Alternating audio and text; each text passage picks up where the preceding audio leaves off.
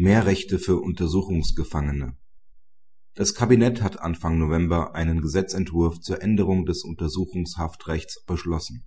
Rechtsanwalt Werner Leitner, Vorsitzender der Arbeitsgemeinschaft Strafrecht im DAV, beurteilt die neuen erweiterten Rechte für Untersuchungsgefangene. Herr Leitner, außer Krankheit und Tod gibt es nichts Schlimmeres als Haft. So formulierte es ein Kollege von Ihnen auf dem 25. Strafverteidiger Herbstkolloquium. Wie stehen Sie dazu? Also natürlich äh, sind Gesundheit und vor allem das Leben die höchsten Güter, die die Rechtsordnung kennt, aber es ist sicher auch so, dass die persönliche Freiheit diesen Gütern äh, ganz nahe steht. Und jeder Strafverteidiger und jede Strafverteidigerin werden Ihnen bestätigen, dass die Krise einer Inhaftierung für den Betroffenen und gerade auch für seine Angehörigen durchaus mit so einer Krankheitssituation vergleichbar ist. In beiden Fällen ändert sich schließlich mit einem Schlag der Alltag, und zwar für alle Beteiligten, völlig.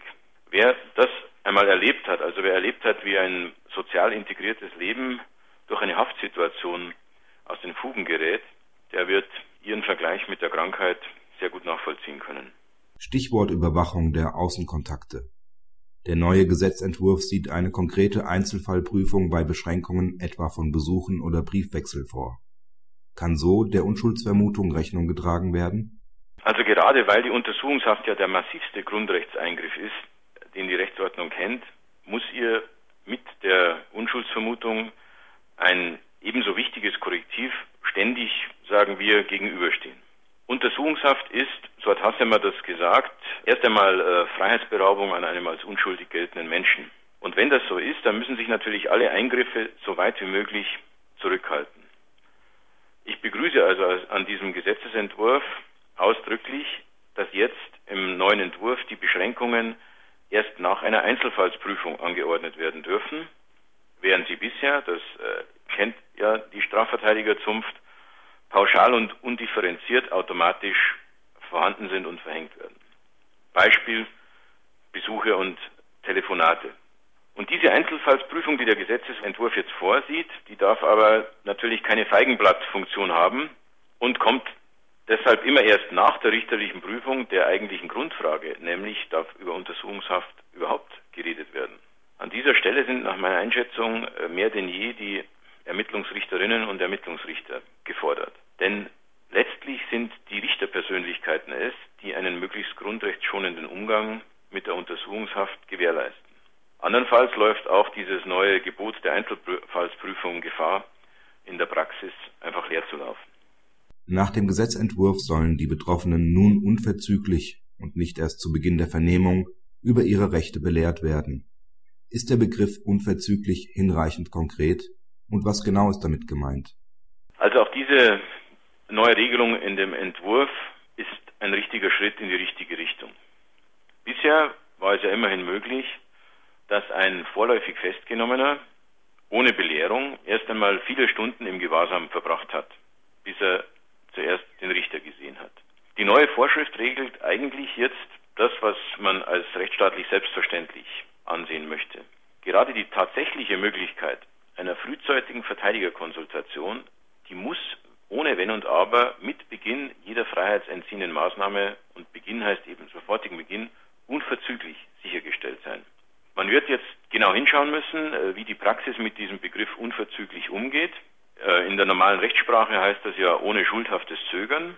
Und wenn man den Geist der Vorschrift, der neuen Vorschrift sich anschaut, dann soll ja gerade der Zeitraum vor der Vorführung vor dem Richter angesprochen werden. Unverzüglich heißt letztlich nichts anderes als sofort. Da darf es gar keinen Spielraum geben. Wie kann beispielsweise ein ausländischer Mitbürger, der der deutschen Sprache nicht mächtig ist, unverzüglich belehrt werden? Naja, der Gesetzesentwurf sieht ja als Regelfall die schriftliche Belehrung vor. Und deshalb äh, wird dies wohl mit Formblättern in verschiedenen Sprachen umgesetzt werden. In den Ausnahmefällen, so der Gesetzesentwurf, in denen eine mündliche Belehrung erforderlich ist, muss dann notfalls telefonisch eben ein Dolmetscher hinzugezogen werden. Auch das dürfte in der Praxis kein Problem sein. Das Akteneinsichtsrecht der Strafverteidiger soll ausgeweitet werden. Künftig kann die Staatsanwaltschaft das Akteneinsichtsrecht nicht mehr verweigern, wenn es für die Beurteilung der Rechtmäßigkeit der Inhaftierung erforderlich ist. selbst wenn dadurch der Untersuchungszweck gefährdet wird. Führt dies zu mehr Waffengleichheit? Also an dieser Stelle ist es wirklich beim Versuch geblieben, die europäische Rechtsordnung, also EGMR und die Vorgaben des Bundesverfassungsgerichts gesetzlich umzusetzen. Der neue Vorschlag greift meines Erachtens zu kurz, weil die Inhaftierung als Eingriff so schwer wiegt, dass ihr immer ein vollständiges Akteneinsichtsrecht gegenüberstehen muss. Es darf nicht, das muss man sich vorstellen, so sieht der Gesetzesentwurf das vor, es darf nicht im Ermessen der Ermittlungsbehörde der Staatsanwaltschaft selbst stehen, die Überprüfung des von ihr selbst beantragten Haftbefehls auf solche Aktenteile zu beschränken, die sie selbst vorzeigbar erachtet. Zu vollständiger Kontrolle, und nur das soll ja ermöglicht werden von Untersuchungshaft, gehört natürlich vollständige Transparenz. Und nach meiner Einschätzung sollte der Gesetzgeber jetzt diese aktuelle Chance nutzen, das ein für alle Mal unmissverständlich und klar zu regeln.